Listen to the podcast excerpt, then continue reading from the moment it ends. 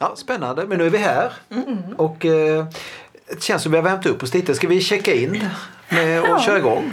Ja. Vad säger du. Tor? Ja. Absolut. Ska vi Ja. presentera våra gäster lite? Ja, jag tycker det. Eh, och eh, det är så fantastiskt. Vi som är, har gäster här, det är bland annat jag, Bitte Appelqvist på Musik i Blekinge. Jag är döpt till Ulf, jobbar här som rockkonsulent faktiskt, eller verksamhetsutvecklare och sådär. Och tillsammans med dig Torum, du jobbar också här. Jag jobbar också här. Ja. Konstutvecklare heter jag. Det, det är också en konstig titel kanske. Men att utveckla nätverk och samarbeten och kunskap i regionen kring konst. Försöka stärka kommunerna, konstnärerna, konstföreningarna i olika arbeten. Vad spännande. Det är samma som jag ska göra fast med musiken då Ja. kan man säga. Ja. Ja. Och jag sa musik, vi jobbar ju Region Blekinge, heter det ju numera. Och vi har den här podden som vi ska göra nu. Alltså, vi har ju ett arbetsnamn på den. Ja. Ska vi säga Ja, det? jag tycker det. Jag säger, vi, vi, vi, vi knäcker Ska vi den. säga ja, jag det tycker där? det. Ja, jag tycker det. X, X. X, varför det?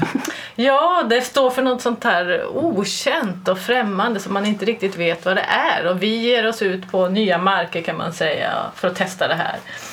Men eh, vi vet inte riktigt var det ska sluta kanske. Ett experiment, men ett spännande sånt där vi, vi är nyfikna på kulturutövare i vår egen region och de som kommer hit och besöker oss.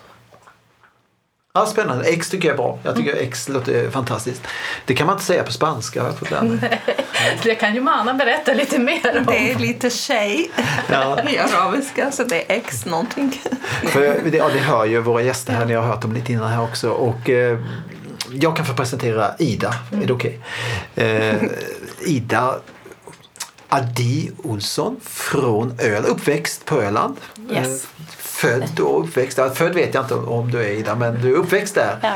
Och eh, jag träffade Ida första gången för ungefär tio år sedan. Eh, vi liksom sammanstötte ihop en konsert tillsammans med en artist som heter, kallade sig för Budde, eller Budget till och med då.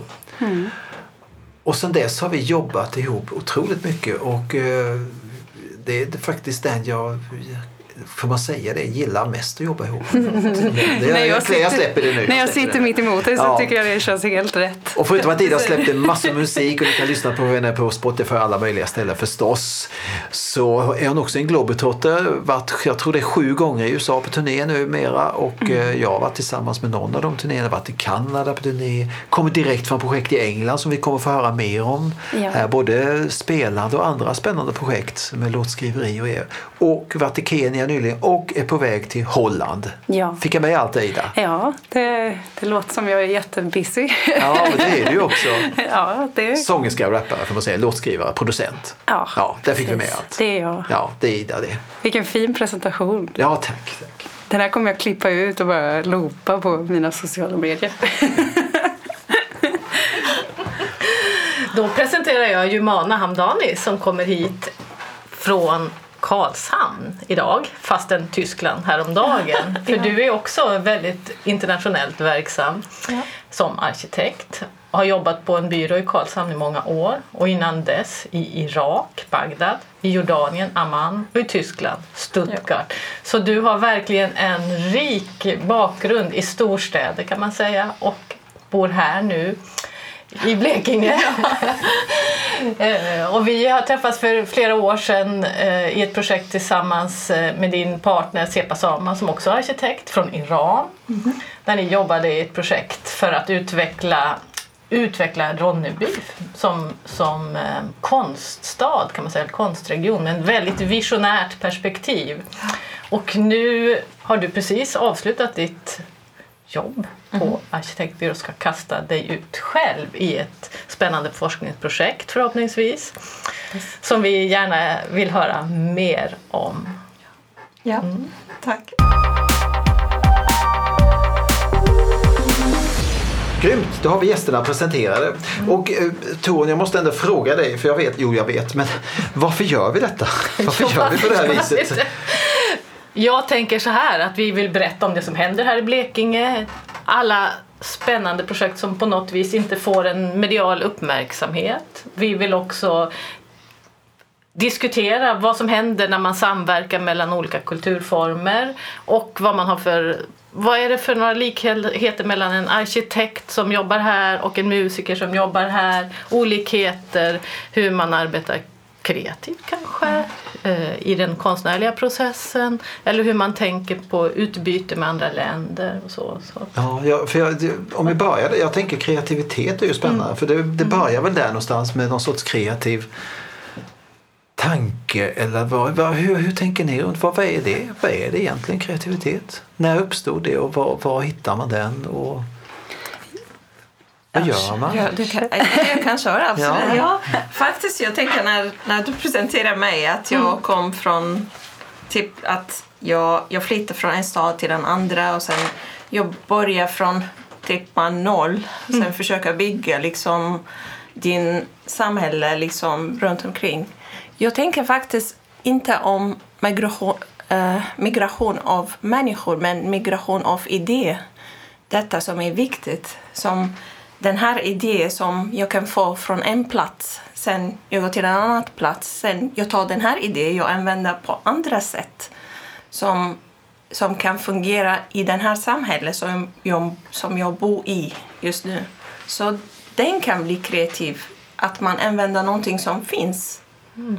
men som fungerar bäst på den här land eller på den stad, mm. om man säger. Så för mig en del av kreativ, en del är den faktiskt. Ja, för, för det ser det annorlunda ut? Tänker du, alltså, har olika länder olika sorters kreativitet? Absolut faktiskt. Det är inte eh, för att om jag tar min profession som en arkitekt. Eh, ibland man tänker att eh, under den här tiden av modernization som är allt blir samma, samma byggnaden som man bygger i New York är samma i Dubai Innan det var inte så. Det var mer... Um, det finns en lokal kultur för den här stad, för varje stad. Det finns en, um, en om man säger, särskilt liksom behov för den här byggnaden, om det är i Ronneby eller i Karlshamn. Um, I klimat, i människor som bor där, um, i själva landet, typ landskap, hur ska det se ut? Så uh, finns någonting som är särskilt som om, om jag jämför typ Mellanöstern med Skandinavien eh, liksom länder, det är stor skillnad. Mm. Så för mig den här delen, att, att få den här idén därifrån, att, att man använder den här idén här, det är kreativt faktiskt. Att man blir inte någonting som är generic, liksom. Att ha samma sak, typ liksom samma sak på alla länder. Nej, att man använder den men någonting som passar bra. Är det något du känner igen i det? Liksom, Absolut. Det är väl, jag känner väldigt lika. Alltså att man har en idé och sen möter man, i mitt fall, liksom musiker då som har en liknande idé men som skiljer sig för att, vi, för att jag kommer från liksom, svensk kultur med svensk melodispråk möter som nu i våras när jag jobbade med en kille i Kenya som vi hade lik, må, många grejer som var samma referenser men han har ju liksom afrobeat, han hade liksom kenyansk liksom tradition bakom och så ska man mötas i det och det blir ju jag får typ gåshud av att tänka på det för det blir så otroligt mäktigt att så här, man förstår varandra men man kan någonstans mötas och det blir ju superkreativt att säga ja. kan man göra så här? Ja men varför inte? Jag har den här grejen och du har den grejen och det här har vi gemensamt. Liksom, ja. Låt oss skapa något nytt av det. Men kraschar det aldrig? Liksom så det gör det nog. Jätteofta tror jag. Det kan inte bara alltid vara åh vad fint utan det måste ju krascha ibland. Liksom att... Ja men man ja. behöver jobba på detta. Det blir inte bara liksom jag sätter den med den, en bok med den här liksom. Det blir kreativt. Nej vi, vi, behöver jobba. Det är den här liksom, hur man säger, missing ring. Mm. Att både måste liksom hitta den här liksom, någonting som vi missat. Det, det, det är väldigt viktigt. Mm. Och de här olika perspektiven då som ja. kommer in på något sätt. Om man, du säger att du står på ett stort torg i Bagdad. Ja. Mm. Om du då skulle överföra, eller ljudbilden förs ja. över från mm. Kenya till torget i Ronneby till exempel. Vad är det för någonting som man kan hitta där som man skulle kunna direkt plocka med sig och använda tillsammans eller eh, tillägg eller vad det nu kan vara. Eller vad skulle absolut inte kunna placeras där till exempel. Bara tanken, förflytta ljudbilden från, från en stad i Jordanien till Ronneby till exempel. Så börjar man fundera, aha. Och, och, och så ser man också, jag tänker också när man går till exempel i Ronneby här då på stan så ser man ju alla kulturer men är de representerade i staden på det sättet? Man ser människor, man, man ser butiker men sen så tänker man det ser väldigt ut som en svensk liten stad ändå. Det, Mm. Vilka perspektiv kan vi Faktiskt, föra det finns där? en exempel eh, som eh, jag tror jag har läst en gång att i, eh, i Australien, i eh, Melbourne och Sydney finns eh, eh, liksom vägar som används. De kallade Copenhagen Lanes. De här tog den här inspiration från Köpenhamn. Och det är väldigt spännande. Men när de tog de här väggen för eh, liksom, um, cykla, jag tror det. Jag tror det. Och, och de kallade det Copenhagen Lanes. Men det blir inte samma som i Köpenhamn.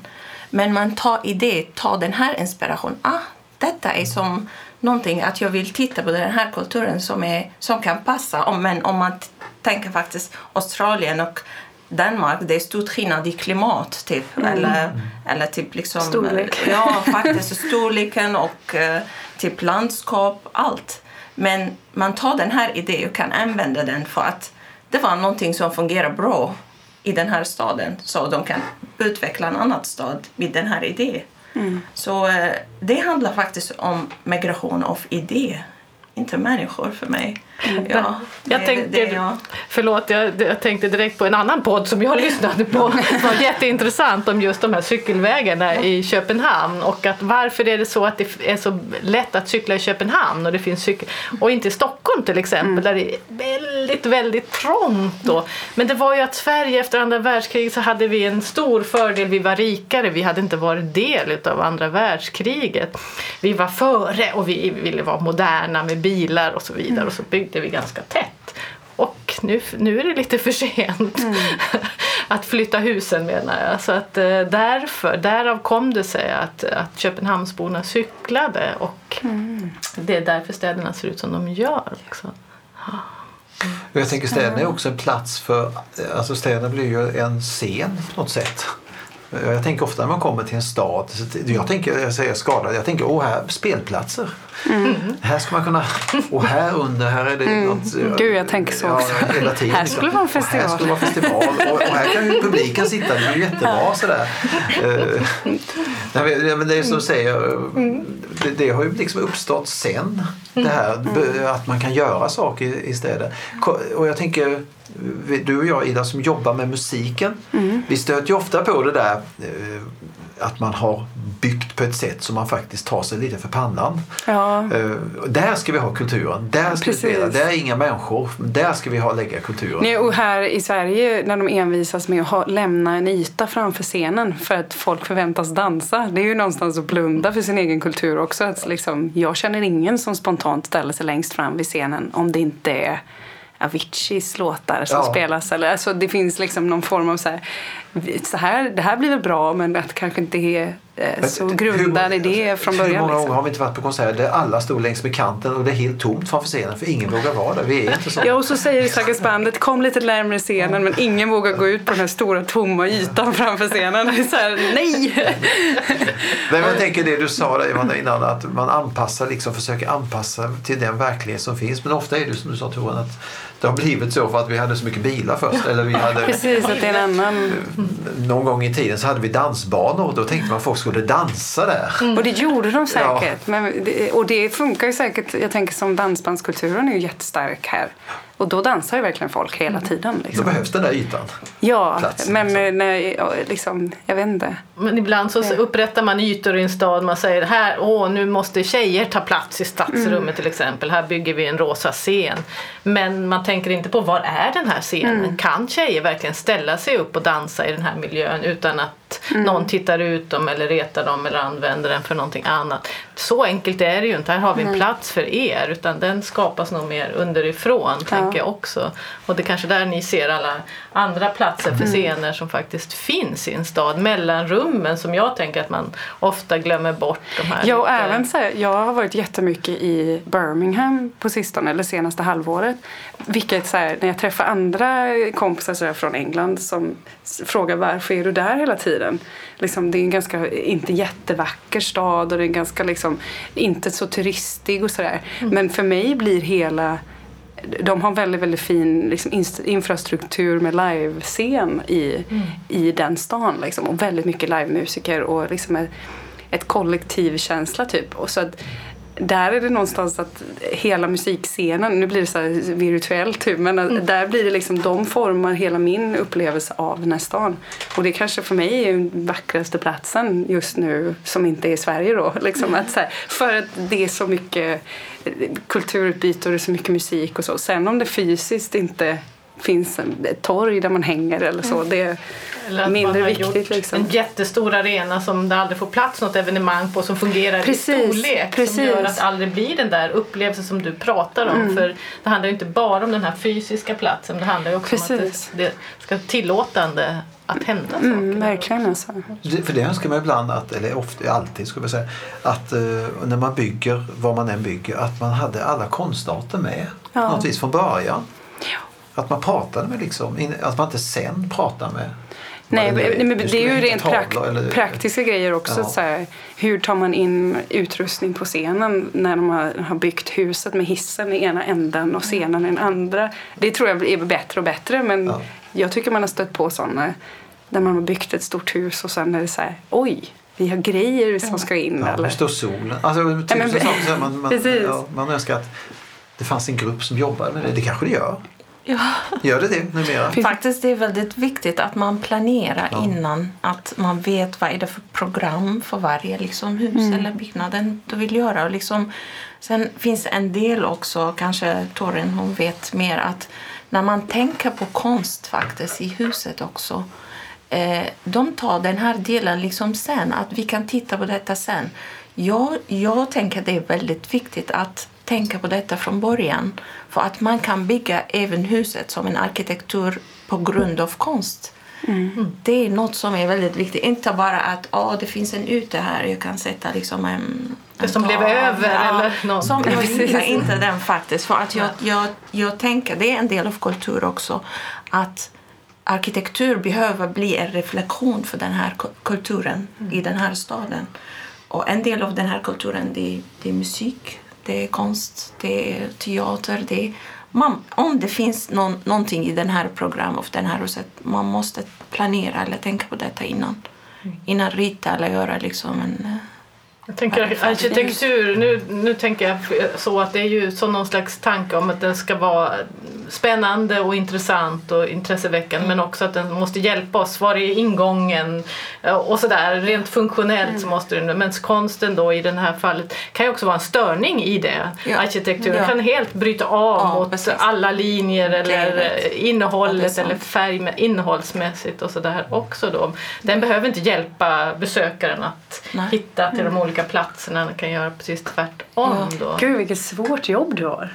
Ja, jag tror Ja, jag tänkte också. Ja, Jag blir helt knockad av det. Jag har aldrig tänkt att säga, Ja. gud vad många lager du måste tänka på. Faktiskt innan, Herre. jag känner att arkitektur innan i 50-talet, 60-talet, det var bara liksom, jag tror arkitekter som eh, liksom lever i den här bubblan av arkitekts bara liksom. Att vi ska bygga för att visa att det är den här liksom tiden att vi utvecklas som en land eller stad eller vad är det. Men, men det handlar inte om detta för att jag tror arkitekt måste ha mer kontakt i samhället runt omkring av de här människor som bor i den här staden, vad de behöver. Vi måste svara för deras eh, liksom, frågor innan vi ritar någonting. För att ibland man känner också den här internationell arkitektur nu, det blir bara lite egoistic, hur man säger, att jag bara gör en fint byggnaden. Men det finns inte en reflektion för det här samhället runt omkring eller den här staden, vad de behöver faktiskt. Det finns en viktig funktion att man behöver, så det är en del av kultur. Det är en stor del av kultur som man måste titta på de här små delarna. Hur gör man då konkret? Hur får man en dialog med medborgarna som bor? Fa- faktiskt, det, det finns en del i arkitektur som vi missar faktiskt. Det är den här forskning. Vi behöver att göra en forskning innan varje byggnaden, innan varje projekt att man börjar med. Ibland man tänker att jag vill bygga ett hus om man kom till mig och säger jag vill bygga ett hus och jag vill ha liksom en fint utsikt, en badrum och så. Men jag ställer frågor faktiskt först. att Titta inte på de här bilderna eller titta inte på tidningen, jag vill göra så. Vad vill du ha? Vad är det din dröm? Vad, vad du uppskattar under dagen? Liksom, vad är det din hobby? Typ. Mm. Att det är de här frågorna man måste liksom göra forskning innan att hur man översätter de här idéerna till linjer och byggnader. Så eh, det är viktigt att vi svarar frågor för människor som bor i den här. För att ar arkitektur är, är både um, science and art, konst mm. och vetenskap. Så det, det är någonting som är eh, resultat av detta är hur ska vi leva eller vad vill du drömma att leva på den här liksom staden eller hur ska det se ut? Vi måste svara detta. Så vi är ansvariga för den. Inte bara liksom att göra något fint. Mm. Det är ju så spännande att ni två, eh, alltså musik och arkitektur, arkitektur, vilket säger man? Vilket ska det vara? Arkitekt eller arkitekt? arkitekt? Det är både. Det är båda? Okay, då kör jag, arkitekt, det är, du kör båda. Det kör det finare som de kör på. Ja. Arkitekt. Eh, och musik möts här. För att det, jag ja. tänker att du, man säger att man ska svara upp mot behov. Ja. När man skriver låtar, Ida, mm så kanske man inte alltid vill svara upp mot behov, eller gör man det? Eller hur Nej, jag känner ju lite att eh, för mig personligen, som, där fasen jag är, är i nu, är liksom omvänd på något sätt. Att först skapar jag min musik och min, som mitt album som jag jobbar på nu.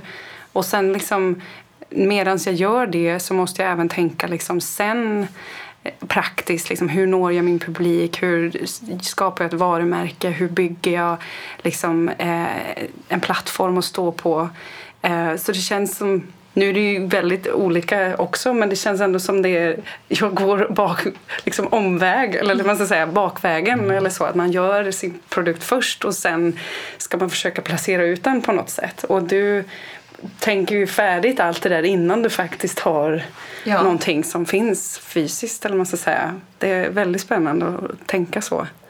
Att man, ja, det, man som musiker jag... kanske ska börja tänka, eller jag personligen kanske också ska börja tänka liksom vad mitt projekt, mitt album, mitt, min EP, vad är det, vilka vill jag, alltså att man börjar tänka på det innan man faktiskt gör albumet. Ja, Ibland. Men, jag vet inte. Men riskerar man inte då... Det, jo, absolut. Jag tror inte jag skulle kunna göra så heller. Du vill dela ut ett och annat knytnävsslag ibland och en smekning ibland. Men liksom det, det är ju... Ja. Och det är väldigt, väldigt som, det är jag blir väldigt tacksam också när man lyssnar på hur svårt ditt jobb är. Att jag skapar ju bara det som jag själv som känns bra. Typ. Att man liksom... Det vore som du skulle, man skulle gå ut i skogen med hammare och spik och bräda ja. och bara här, känns här har jag byggt. Gillar det eller inte. Det, ni får ni... det, det känns jättebra ja. där. Jag har inga toaletter, jag struntar i det. Och ingen, ingen någonsin ser Nej. det och det, bara, det känns ändå ja. bra. Ja. Faktiskt. Det verkar har du något sånt kojprojekt? Den har du mitt yrke. jag ska tänka. Du ska tänka på Jag fick massor med Fanns det inte lite i Christiania, i Köpenhamn, ett sånt fristad för arkitekter där man fick bygga lite hur som helst idéer liksom eh, små hus, var det inte så? I Danmark? Ja, i Danmark, i Christiania. I Christiania. Ja, och där finns ju fantastiska små hus som man liksom... Det känns liksom Dubai för mig. Ja. faktiskt. Ja. Ja, är det så i Dubai? Eh, faktiskt, ja. jag har några liksom, projekt som jag har jobbat med. En kontor i Amman som vi har byggt i Dubai massa mm. liksom, um, skyscraper, de här torn. Och, mm, coolt. Ja, Uh, ja, ja. Det är inga kojor där. Ja, jag har gjort det. är stor skillnad. Men, uh, finns, det, finns det inte som i Sverige här när man inom stadsreglerar, inom området, inte inom staden, mycket, man kan faktiskt. inte bygga på vissa höjder Nej, inte och vissa så mycket. färger och så Och sen vidare. finns inte så mycket gränser. Uh, inte, finns inte budget så man gör liksom wild and crazy. You know? Mm. så det, men, men, men faktiskt jag själv personligt, jag gillar inte liksom resultat av Dubai som en stad. Kanske, det, kanske Mellanöstern behöver någonting, en stad som är så.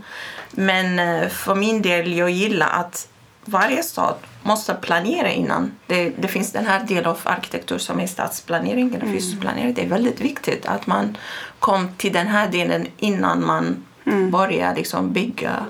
Så, eh, ja. Men driv, jag tänker på drivkrafter då. Hur började ni skapa arkitektur, musik? Vad, vad, vad, jag, liksom, jag hur känner att jag skäms för att jämföra så här. Det Det tycker jag inte du ska göra. Nej. Jämföras med en kvinna som har byggt skyscrapers i Dubai. Det känns väldigt häftigt. Alltså.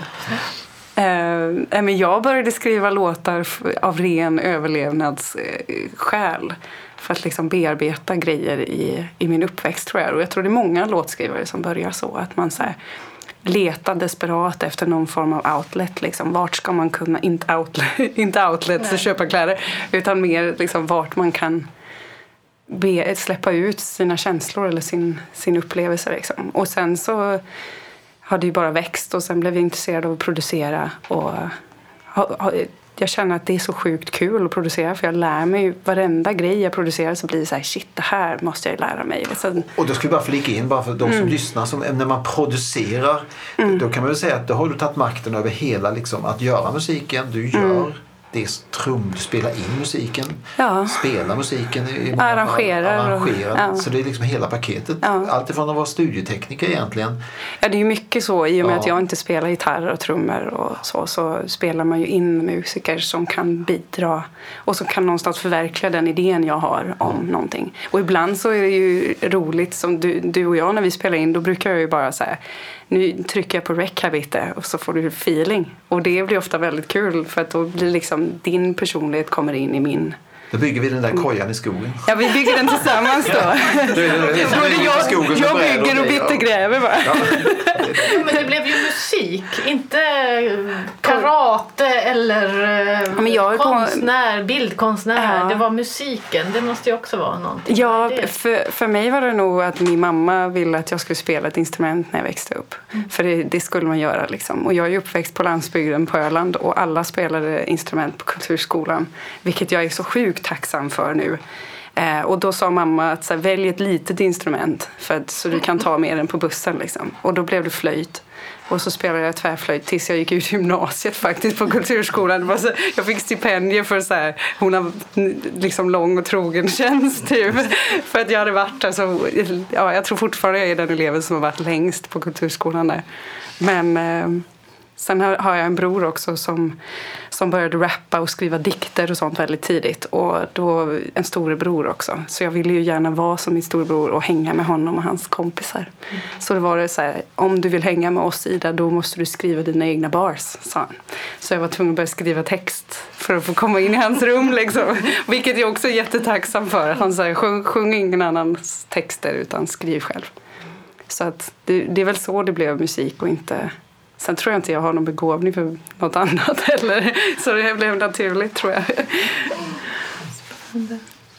Hur började du Johan? Eh, för mig, jag vet inte, när jag var ung, jag kommer ihåg det att, att jag, jag gillar att rita. Att liksom måla eller rita för att jag har vuxit upp, eh, både min mamma och min syster, de är konstnärer i Bagdad. Så vi har en väldigt stort ateljé i hemma med alla liksom, material som färger och de här grejerna. Så eh, jag tror till jag var 16 eller någonting efter gymnasiet. Jag känner att jag vill, jag, jag vill göra någonting mer.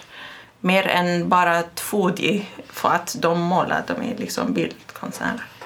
Sen de säger att kanske du vill göra någonting som är 3D.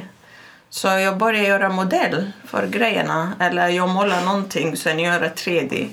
Så jag kände att ah, jag, vill, jag vill veta mer. Så jag, var mer jag har mer intressant att jag vill, jag vill veta mer hur man gör en konst som är 3D. Så alla de säger om du vill du måste liksom ta arkitektur. Så jag kör detta. Och jag gillar arkitektur. Nu det, jag har 17 år som efter eh, min examen som jag är färdig. Så jag tror att jag är nöjd. jag har valt liksom arkitektur. Det är någonting som jag uppskattar mycket faktiskt. Är det så här som man går förbi ett hus som man har ritat och är nöjd? Så, eh, Ja. Ungefär som man lyssnar på en låt ibland. Ja, så, eller, förbi. eller är det ibland som man skyndar sig förbi så man tänker oj, det här har jag ritat. Det, ja. Oj. Nej, oj. Ja, en del kanske. Gud vad häftig känsla. Ja, men eh, ja, det, jag tror att eh, Det är som Man- look what I created-känsla. Nej, det är inte så faktiskt. För att jag känner man utvecklar liksom varje gång. Man inte, eh, jag kan inte säga att jag tänker samma sak tre månader sen eller, eller ett år sen. Nej, man utvecklar hela tiden och liksom man utvecklar och adapterar, man säger adapt till uh, vad, vad finns runt, man måste titta runt omkring att vad, vad finns eller vad är det, vi, vi måste bli, hur man säger, problem solvers.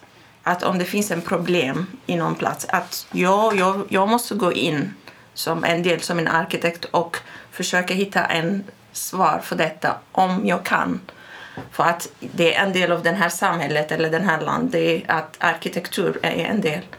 Så eh, man måste bli problem solver. Och om du, om du vill bli en problem solver, man kan inte säga att jag, blir, jag är samma liksom, när jag har bestämt att bli en arkitekt. För mig det var mer liksom, en dröm, liksom, en konst och 3D-grej. Men nu jag känner att nej, det finns några grejer att man, jag måste bli ansvarig för. Så eh, ja.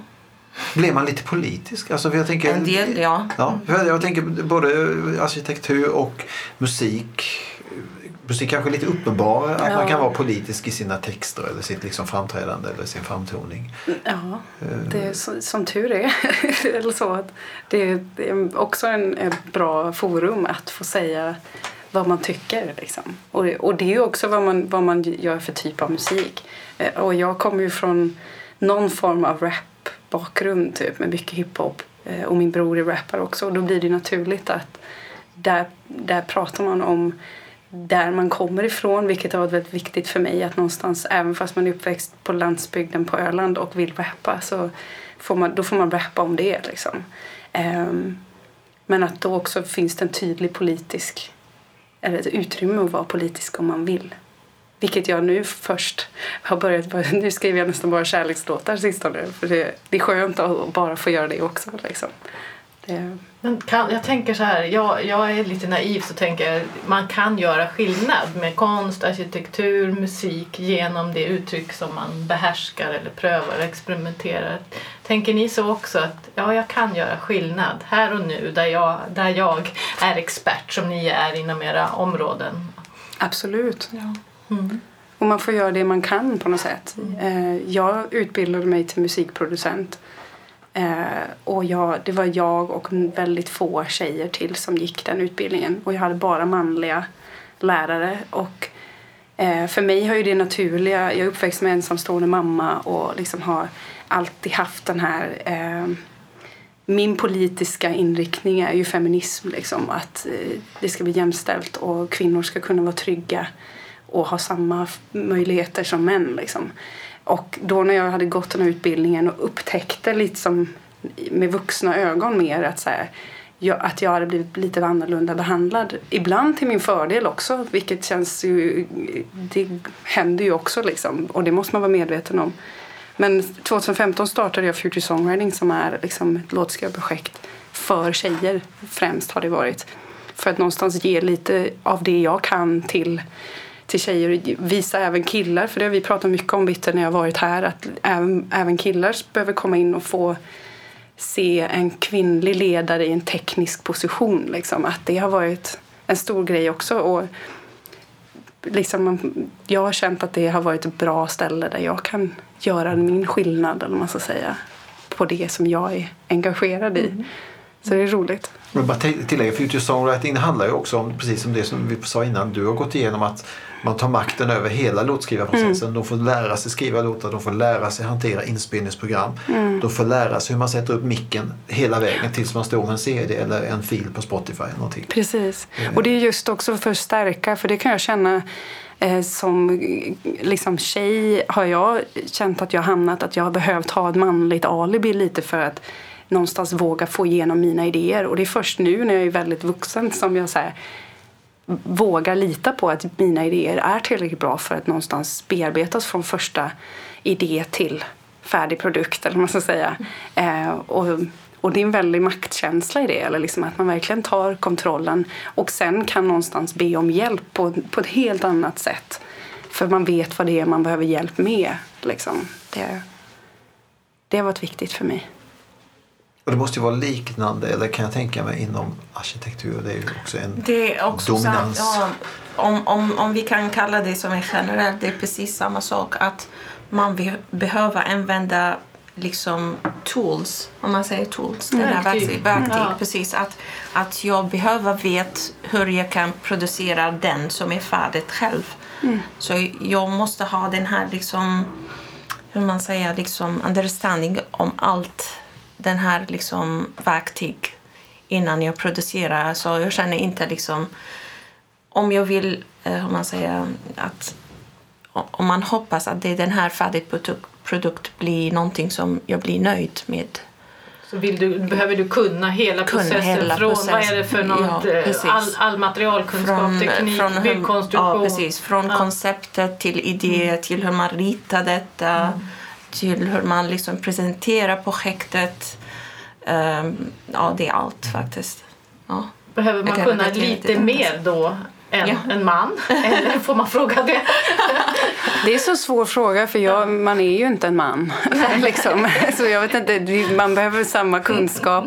Men just den här känslan av att man kanske behöver ta kontrollen över det. För att Ja. annars, jag personligen har varit li- liksom att, att en man kommer in och ska göra det bättre. Att det är lite som har varit anledningen till att jag måste, jag måste lära mig att göra alla de här grejerna för att känna att jag kan säga stopp. Den där idén gillar inte jag.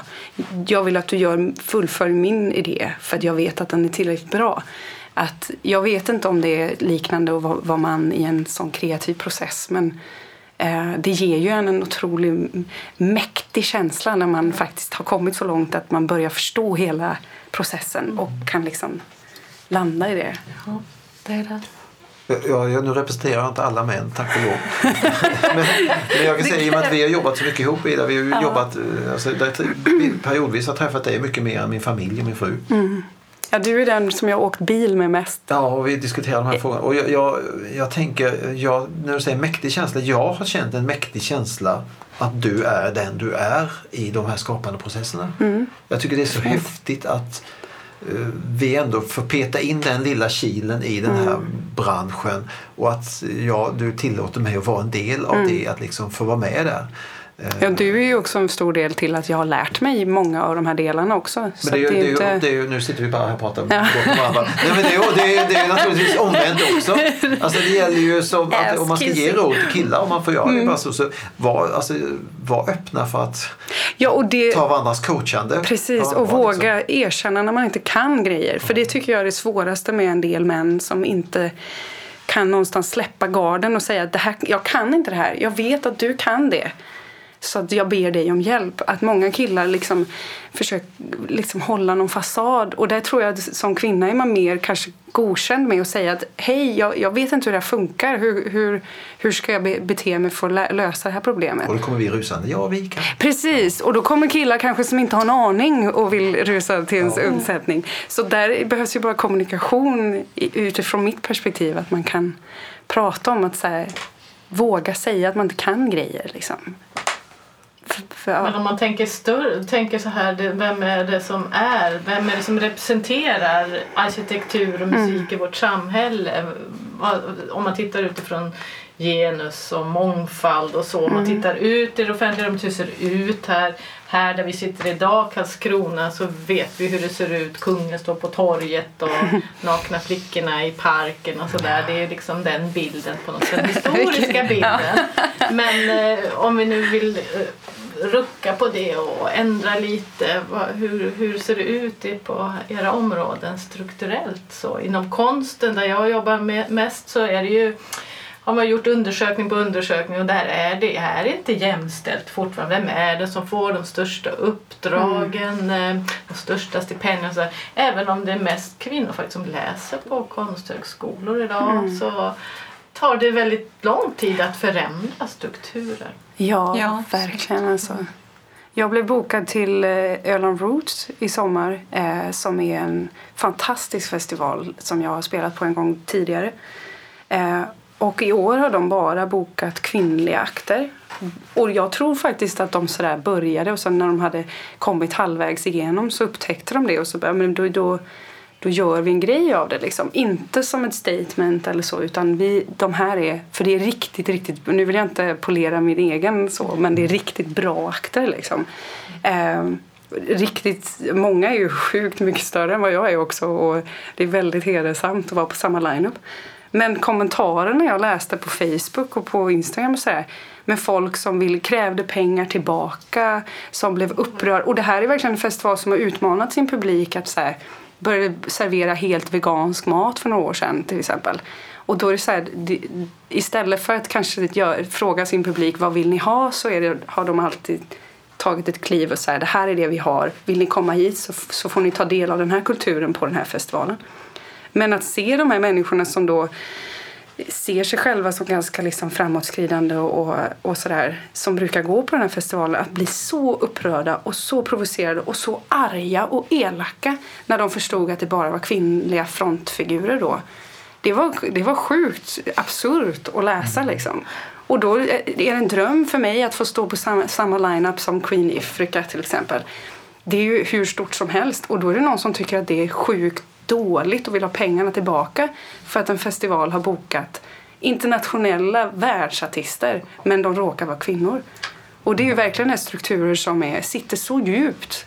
Till och med ganska upp, med hartecken upplysta människor. Liksom. Mm. Att det är någonting, då är det låg kvalitet om det bara är kvinnor. Liksom. Det är väldigt intressant. Det är lite ett forskningsprojekt de, har startat. Eh, så det, det, behövs ju jobbas på, verkligen. Alltså. Och inom arkitektur? Ja, det är en del faktiskt för att eh, ja, vi pratade tidigare mm. faktiskt om, om man tittar liksom kvinnor i arkitektur som tar liksom den här space liksom och att man säger liksom en star architect. Det är bara man kan bara räkna på en hand faktiskt. Mm. De, en, en var Zaha Hadid, Sanna också. Det, det, det är de bara två som fick Pritzker Prize. Uh, och eh, även de har gjort en intervju faktiskt för eh, Zaha Hadid och de frågar henne för att hon, när hon öppnar eget kontor efter 25 år hon bygger första byggnaden. Det tog väldigt lång tid för henne att bygga första byggnaden. Och hon säger att detta är uh, a man's business. Och, och det, det, det, var väldigt svårt för henne att komma in till liksom, man säger, den här liksom, circle. Mm. Uh, men jag tror, jag vet inte, jag tror att också i vår profession, jag tror kvinnorna också måste våga liksom att försöka liksom göra eget som är som är en e- eget arkitektur, även om man liksom, uh, even if you fail, det är helt mm. okej. Okay. Men att man vågar att göra detta för att eh, det finns den här liksom under hela historien av arkitektur att det är mest för mannen som kan driva liksom en stort företag för en liksom arkitektur. Men om man tittar på utbildning faktiskt, det finns många liksom, kvinnor som studerar arkitektur mer än män. Mm. Ja. Det är som inom konsten Det är lite paradox faktiskt. Mm. Ja. lite paradox att ja. de jobbar, de är väldigt duktiga men som en driva ett stort liksom, företag som är världskänt mm. eh, liksom arkitekturföretag, de är väldigt lite. Mm. Det där har jag tänkt mycket på. Eller jag hade en diskussion med en kompis eh, för inte så länge sedan som också är kvinnlig artist men från England om det här fenomenet inom musikbranschen framför allt. Att nu tycker jag att under den, de tio år som jag har någonstans varit medveten om den här branschen så har det i alla fall blivit någon, det är någon form av diskussion men på stor, liksom ett stort perspektiv så ställs alltid kvinnorna mot varandra. Att det får bara plats med en kvinnlig rappare, det får bara plats med en kvinnlig rock eller kvinnligt rockband eller liksom att och, och vi vi blev lite frustrerade när vi diskuterade det här att det alltid någonstans då är någon form av manligt perspektiv som bestämmer vilka platser som kan fördelas. Och då sa vi det, kan, kan vi inte bara säga att vi, vi bestämmer att vi skapar nya platser? Eller liksom, och jag tycker att det eh, håller på att förändras. Att kvinnor mer och mer säger okej okay, men håll på ni, vi, gör, vi skapar någonting eget här. Problemet där är ju att man aldrig kanske kommer in där det finns riktigt mycket pengar och det finns riktigt mycket makt. Men det är i alla fall någon form av frihetskänsla i det, att man inte behöver slåss mot varandra som kvinnor utan att man kan bygga och stärka varandra på ett Ja, annat sätt. Liksom. För, Och det där kan ju vara så sjukt provocerande för många män. Ja. När man vänder ryggen mot män och säger Ja. behöver inte er. Nej. Va? Ja men hur ska det bli barn då? Ja, precis. Det är det första som dyker upp och sen och jag sköter trädgård och jag, jag kör bil. Nej, men, Ja men det förstår jag också att man vill inte bli överflödig men, men finns inte platsen Alltså det, det är inte upp till män heller att skapa de här platserna. Eh, men det är klart att skapa, så länge de skapar platserna så kan de ju också ge så många som möjligt till de som är lika sig själva. Det Liksom. handlar väl om att visa på strukturer men också hur kan vi förändra det här? Precis. Att man kan säga att vi är så jämställda. Mm, men om vi tittar vidare på detta, hur ser det egentligen ut? Och jag har satt på mig den här Gorilla Girls t-shirten idag bara för att komma ihåg att vad, vad kan man göra? Den är väldigt fin. Och det är Ja, ju, faktiskt. de, I mi- mitten på 90-talet så var det ju en grupp kvinnor och det var i New York där man gick till där man tittade på strukturellt hur ser det ut på de stora utställningarna? Vem får de stora uppdragen? De här stora, största utställningar. Och då gjorde de ju en fin affisch där eh, en eh, klassisk, ny klassicistisk målning av en naken kvinna ligger men så vänder hon på huvudet. eh, Hon är en, har en gorillamask. Och själva är de anonyma de här kvinn, kvinnliga konstnärerna då som, som jobbar i den här gruppen och eh, gjorde stora affischtavlor i, och i so- sociala medier gick de ut och berättade om så här ser det ut. Måste man vara naken för att komma in på Metropolitan Museum i New York? Och visade på att 85% utav alla nakenakter var kvinnor. Och 5% utav de som fick ställa ut var kvinnor. Sen gjorde de något liknande kanske för fem år sedan och då hade det faktiskt krympt. 4% av de som ställde ut var Oj. kvinnor. Så att det, vad har förändrats? Sen delar de ju ut bananer till olika museichefer och, och eh, konsthallschefer och talar om att du ligger längst ner i listan för du, du har inte visat några eller väldigt få. Så. så med lite humor, slagkraft och så men också att de är anonyma då. Det var det jag tänkte på, det här hatet som uppstår. Det behöver de inte. De har pseudonymer som kända konstnärsnamn som Frida Kahlo eller andra namn då kallar de sig och sen har de alltid gorillamasker på sig för att kunna prata. Det är också intressant. Ja, det där har jag funderat mycket på. Jag fyllde 30 nu för tre månader sedan. Och efter det, så när folk frågar mig hur gammal jag är, så får jag ni, ja, 99 procent av alla gånger så säger folk att du ser inte alls ut som det. Du ser mycket, mycket yngre ut. Och jag tror det var du och jag som pratade om det Bitte, hur man ska förhålla sig till den som kvinna. Att är det, det känns som att jag har ett utgångsdatum då. När folk säger att så länge du ser väldigt ung ut då får du fortfarande vara med. på något sätt. Och det är otroligt provocerande tycker jag. Att, så här, ska jag säga tack till det för att Ja, men jag vet inte. Nu, nu Det blev var, jag... jo, men det är ju intressant för att det var väl när Madonna fyllde 50 år kommer jag ihåg och då var det, det var ett ramaskri. Så gammal får man inte vara. Nej. Herregud, hon ska inte både dansa och sjunga och producera. Och nu ska du på turné igen. Varför slutar Har ni ingen skam i kroppen? Tack för att Madonna finns. Ja, precis. Ja, men där, tror jag, ja, där har ju män det lättare förstås. Alltså Springsteen och alla, de är väl 70 snart liksom. Stones åker runt och Och de behöver snart. heller aldrig bära Nej. den rollen som någonting annat än Springsteen Nej. eller Rolling Stones. De är liksom nå- något eget som de får låt, låtas vara, som Madonna också borde få vara. Ja. Och som man säger inom konstvärlden att man behöver fylla 80 om man är en kvinnlig konstnär. Då är man igen på. Under 30, 35, ung och lovande. Sen är det en lång period när inte så mycket händer. När man fyller 80, Louise Bourgeois eller så då, då händer Ja, jag ser det. fram emot det då. Men, men när man lyssnar så hör man ju ändå att det viss ljusning trots det ju att 4 procent att det hade sjunkit. Ja, men, men, det, eh, ljusning finns. Ja, för det har ju ändå varit, jag tänker hela metoo-rörelsen Oh. och all, allt sånt har ju ändå vänt någonting eh, åt rätt håll lite, lite grann Ja. väl. Ja, absolut. Eller, eller hur upplever ni liksom, alltså, finns det ett före och efter metoo till exempel? Ja. Det finns det inom musiken, eller? Jag vet inte i musiken, men för mig personligen gör det det. Absolut. Hur då? Att- Nej, men jag är uppväxt i, eh, nära kvinnor som har blivit väldigt, väldigt utsatta i, i liksom, eh, ja, av män. Och de fick för första gången upprättelse. Att det var massor med andra kvinnor som, som ställde sig upp och sa det här har också hänt mig och det här kan, var inte mitt fel att det hände. Så för mig personligen så, så blev ju det en, tydlig markör också för, för att eh, det finns någon form av rättvisa typ och att det var väldigt många människor som blev lite friare till att leva sina liv utan någon form av skam som är lagd på dem som inte hör, hör till dem. Liksom. Och personligen så är det ingen som har tafsat på mig på, efter spelningar efter metoo. Det händer nästan varenda gång. Och jag skrattar nu men det är Ja, jättesorgligt. ja, Nej, till och med på skolturnéer har det hänt. Att det liksom, men inte efter metoo. Så att det är något. Har du märkt någon skillnad? Jag vet inte, jag har vuxit upp i Bagdad så om, om jag säger jag, det är den här skillnaden mellan kvinna och eh, man. Det är stor skillnad den här i Sverige, det är ännu mer faktiskt.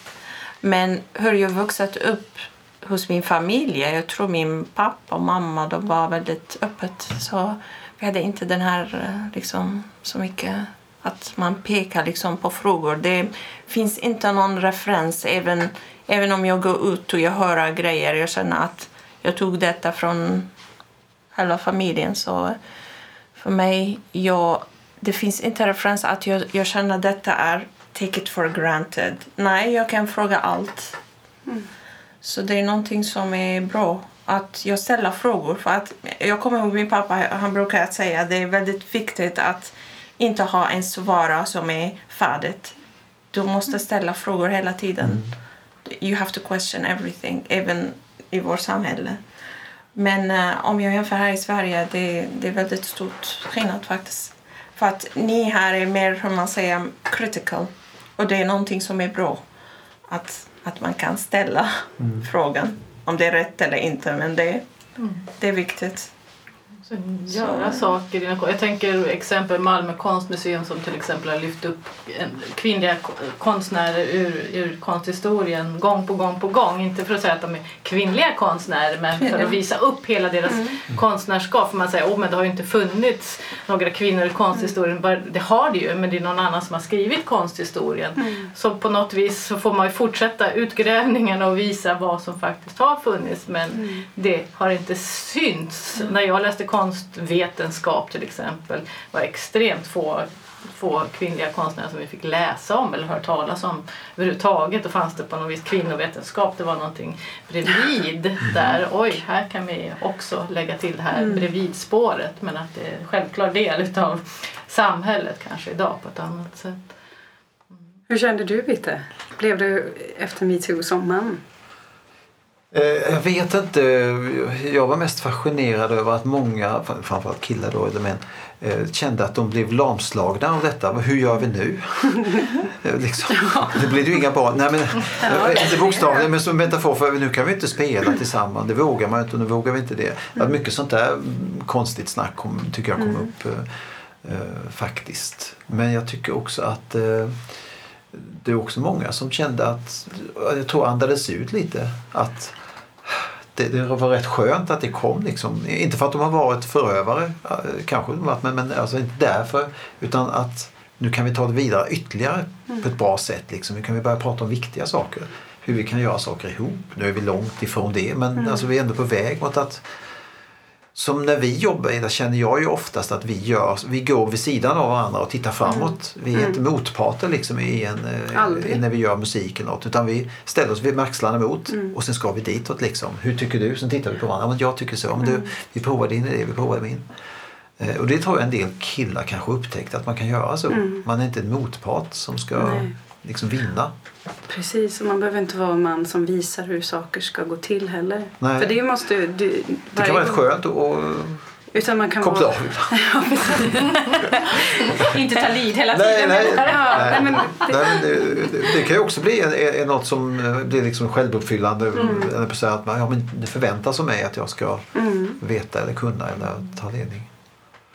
Det, men jag tänker om man får man börja titta lite framåt tänker jag. Ja, jag tänker visionärt. Ja. Eller, jag tänker både här i Blekinge vore det intressant att höra hur det är att arbeta som arkitekt, musiker här i Blekinge men också får vi agera Ja. som spanarna på P1? Ja men jag tänker, Ja, tänk, tänk Det är spanarna. en dröm. Ja, ja, Ja, önskelistor. ja. Eh, Just i Blekinge eller? Ja. Nej, över- Region, man, man får gärna spilla lite men, men Ja, liksom, för mig en- personligen hänger ju Blekinge och Öland och Kalmar och eh, alltihop. det, liksom, det är som För det, jag har alltid hängt mycket här nere. Eh, visionärt är väl att det ser alltså, väldigt så som skulle kunna knytas ihop mellan oss två också är att det skulle vara mer spelställen. Att liksom alla städer längs hela den här regionen, alla ställen skulle tjäna på att eh, uppmuntra livemusik i alla dess former. Det behöver inte bara vara stadsfester, det behöver inte bara vara utan det kan vara små intima grejer, det kan vara pop-up-scener, det kan vara liksom just för att, för att också ha mer varierad utbud på vad det är som folk får ta del av. Och nu vet jag att Blekinge, ni är ju helt suveräna på att faktiskt ta kultur till människorna i, i den här regionen. Liksom. Men, men som musiker så skulle det vara, jag vet inte, det känns som att det skulle bli mer eh, spännande möten och sånt eh, om man kunde gjort det ännu mer. Och nu, nu känns det som att jag så här, mm. önskar någonting som redan finns för jag vet ja, ju det, som det, men, men finns det något hinder alltså, om man skulle hitta en enda sak som skulle underlätta att kunna uppleva både musik och allt annat, kultur också, mer? Eh. Alltså det största hindret är ju att folk inte eh, kanske går ut och, och är nyfikna nog. Eh, till att uppleva någonting nytt. Och då återigen kanske inte just Blekinge utan kanske mer Kalmar där jag, där jag faktiskt har bott under lång tid. Där vill folk mest se saker, de vet vad det är och gå på stadsfesten typ. Och, nu känns det som att någon kommer skriva någonting argt mejl till mig. Men det, det känns som att hungern för originalmusik är ganska liten hos liksom befolkningen i den här regionen. Och, och det tycker jag är synd. Mm. För det är ju det är som du sa någon gång när det var en man som kom fram och önskade en låt på en av mina konserter. Jag skriver bara och uppträder bara med min egen musik. Och då sa du att det är som att gå in på ett konstmuseum och så här, be dem hänga upp lite Carl Larsson så man känner sig lite hemma. Ja, men, det är ju lite ja, så. Att, ni har att, inget vi känner igen. Precis, och som musiker och som kreatör, jag är ju liksom konstnär kanske mer som, alltså jag har någonting jag vill säga, jag vill påverka, jag vill beröra. Och att eh, folk kanske skulle... Man vill möta människor på det planet snarare än att säga underhåll mig. När man, folk, någonting som man inte visste att man kunde. Precis, precis. Ja. Nu, låter, nu känner jag mig väldigt gnällig. Men, ja, men, men, jag, jag hörde som bara, jag har inte kommit på det själv, men någon sa att eller, kultur är inte avkoppling, det är påkoppling. Ja, på sätt. gud vad bra sagt. Det är skitbra. Ja, det är det, bra. Ja. Man lägger så på konsten också. Den ska ju vara skön och fin och ja. man ska bli glad. Vem har sagt det? Vilken konstnär har det uppdraget att göra alla glada? Det finns ingen som har det uppdraget i Sverige. Jag vet inte om vi inte ska inrätta något sånt ministerium då. Ja. Det handlar väl mer om att beröra typ, på något sätt. Liksom. Mm. Sen ibland kanske det är att göra folk glada. Och ibland att få folk att gråta eller bli arga eller reagera på reagera, något precis. Det är också om man vågar liksom att bli mer experimental. Mm. Det är helt mm. okej okay att testa. Även, det är väldigt viktigt i kulturen. Allt som mm. är musik eller konst eller andra delar liksom, i kulturen. Det är viktigt också att man testar mm. ibland liksom varje gång. Att hitta något nytt. Så det behövs inte bli något som är glad eller... men, men eh, det är ju faktiskt strömningarna i samhället är ju att vi dras ju mot, alltså om man tittar på, nu ska inte jag nämna något politiskt men ändå, mm. mot saker som är traditionella, mm. som vi känner igen, som inte är farliga och som helst kommer från regionen mm. på något sätt. Alltså, det är lite läskigt tycker jag om man ska jo, tala klarspråk. Det hade ju varit spännande om det var originalmusik som skapas nu eller originalkonst som kommer upp nu från regionen. Det skulle ju vara något helt annat än det som de längt, eller många längtar efter som inte är endimensionellt. Här har jag gjort en apelsin. jag känner mig jätteglad. Men att det finns flera lager och att man orkar med det. Och det är kanske dagens samhälle, allt ska gå så mm. jättefort att man, man hinner inte reflektera flera lager. Och bra musik, bra arkitektur, bra mm. konst innehåller fler lager av förståelser. Och det kräver mod också ja, från folk. Mod och, och liksom någon form av hopp. Och det mm. kanske är svårt att hitta ibland. Ja, det, pågår, det är ju liknande, det pågår en debatt här i Karlskrona om det nya kulturhuset. Ska det vara en som ser ut som alla andra hus i stan eller ska det vara något som, som skiljer sig åt? Mm. Och det blir ganska hetskt. Jag, jag förvånas över att folk kan vara så arga över att man vill sätta någonting som kanske är gjort av glas eller vad det nu kan vara man tänker. Någon, eh, utan det ska ju helst se ut som något från 1678 eller vad det nu kan vara Det, det är ju jättefascinerande. Man kallar det för tid, man vill ha något tidlöst, men vad är tidlöst? Det är Ja. också, vad är, eh, Jumana, vad är tidlös Tid- arkitektur? Tidlös? Jag vet inte. Jag tror Ja, tidlös vad det är någonting tid. som är, som är genuint. Som är original, authentic kan man säga. Det är typ om man tittar på Sydney Opera House. Det, det är någonting som är authentic. Det är tidlös. Men det hade man inte tyckt om i, i det här fallet om man hade ritat ställt mitt i. Karlskrona. Nej, inte den. Nej. Nej. Jag menar, du frågar mig om Ja. arkitektur generellt. Ja. Vad är det tidlös? Tidlös är någonting som är genuint. Så ehm, om man tittar på konceptet för det här huset liksom, i Sydney, det är väldigt genuint. Alltså det, men jag menar, jag vet inte, har ni tittat på de som har vann eh, den tävling för Karlskrona kulturhus? Det var i eh, Sveriges arkitekt. Ja, jag ja, men- ja, men absolut, ja. Jag Ja. Dorte Mandrup. Ja, ja. Ja, eh, jag är inte något som är emot i detta men jag menar att det finns en, en, en byggnaden i Hamburg som är nästan samma den för Herzog de Moran och ni kan titta på detta. Jag, jag såg inte så stor skillnad. Ja, så, eh, jag känner inte så genuint här i Karlskrona. Nej, Om då jag blir väldigt open att säga detta men eh, annars så alla förslag är okej. För det är väl kul i alla fall som jag. Jag, jag kan ingenting, eller ingenting, men jag, jag, arkitektur. När jag går i en stad tycker jag det är kul att se att här har det varit 40-tal, här har det varit 50-tal, här har det varit 60-tal. Minnen Här har det varit historia 1700-tal och liksom. Ja. Att, att man ser att staden har funnits i så här många år. Inte att staden bara har funnits 1672. liksom. Men vad fint du säger det Ja. där med genuinitet. För det är ju faktiskt samma inom eh, musikskapande. Att det som blir tidlöst är det som har, har känts när det görs. Det är inte bara någon som har suttit med fingret i vädret och sagt vad är det som kommer passa nu? Utan det är någon som har haft en ambition och en känsla. Det här är någonting jag vill säga. Det här är någonting som, som känns för mig. Och då är det först då det blir genuint och berör. Liksom. Och det visionära då, Jumana, om du ska, du ska drömma lite. Drömläge, vad skulle det vara idag? Idag, Eller visionärt då? För, eh, för arkitektur du pratar om eller? Ja, eller för dig. Vad du skulle kunna se här eller Eh, någon annan. Faktiskt, eh, ni vet att jag flyttar från en storstad. Min partner också, Seppa Sama, han flyttar från San Francisco hit. Och alla frågar oss varför vi bor här i Blekinge. Ja, vi frågar också. Ja, det, det är liksom en fråga som vi får varje dag. Det är nästan liksom varför ni bor här. Vi, eh, det är en dröm faktiskt för oss. Det är en, en dröm för det här landet också. Att eh, just nu vi gör en forskningsprojekt så vi försöker hitta finansiering för detta. Vi, vi fick en position i BTH att göra en doktorand. Och, eh, vi har börjat med den här projektet i Ronneby två år sedan att utveckla Ronneby som en konststad. Men eh, vi fick inte liksom godkänt från kommunen. Så vi vill inte släppa den här idén faktiskt. Så vi var mer, hur man säger, persistent att vi vill göra någonting här. Så vi kallar det X-City. ja. Ja. Ja, så det är på engelska vi kallar det uh, X-City Transformation. And på, och på eh, svenska det är konstnäringmetoden för stadutveckling. Och eh, vi har den här dröm att ha konstnärer, internationella konstnärer, bjuda dem från hela världen hit i Blekinge. Eh, vi väljer en småstad först, eller en, en stad, det kan bli Blekinge. Om det funkar i Blekinge funkar det, om inte vi kan välja en som är här i Sverige. Att eh, det kan bli 1000 konstnärer från hela världen som kan ändra den här staden. För att fysisk planering handlar inte om att vi ritar, men vad människor kan ha de här emigration of ideas. Och vi kan se vad är det resultat för den här staden. Eller hur man gör detta mer.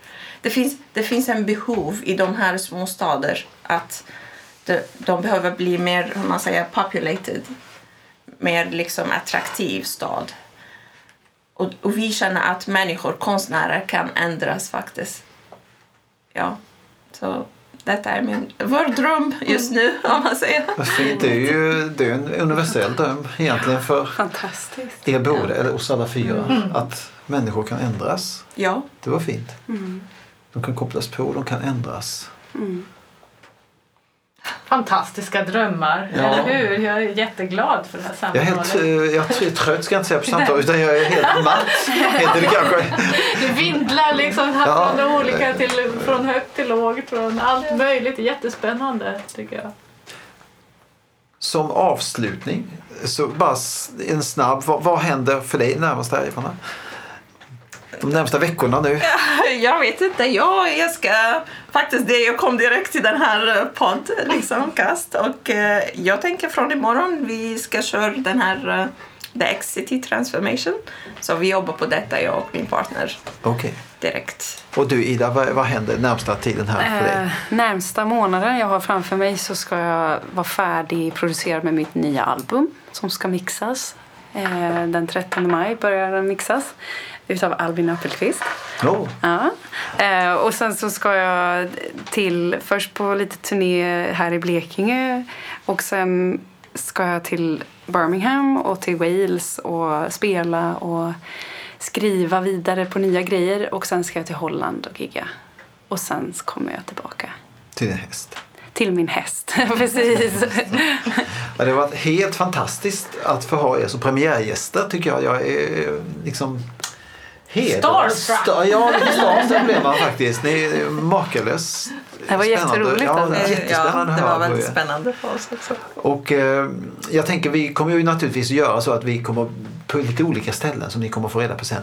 Eh, lägga ut länkar så man kan hitta om, om man vill se lite bilder av ni gjort eller länkar till musik och sånt. Ni som undrar här nu så kommer vi ju göra det och information om hur ni kan nå både Torun och mig och er också förstås. Så ni som lyssnade var inte oroliga utan bara lyssna vidare så kommer ni få det. Så, men då, då tackar vi. Tack så Tack så jättemycket. Tack för att vi fick komma.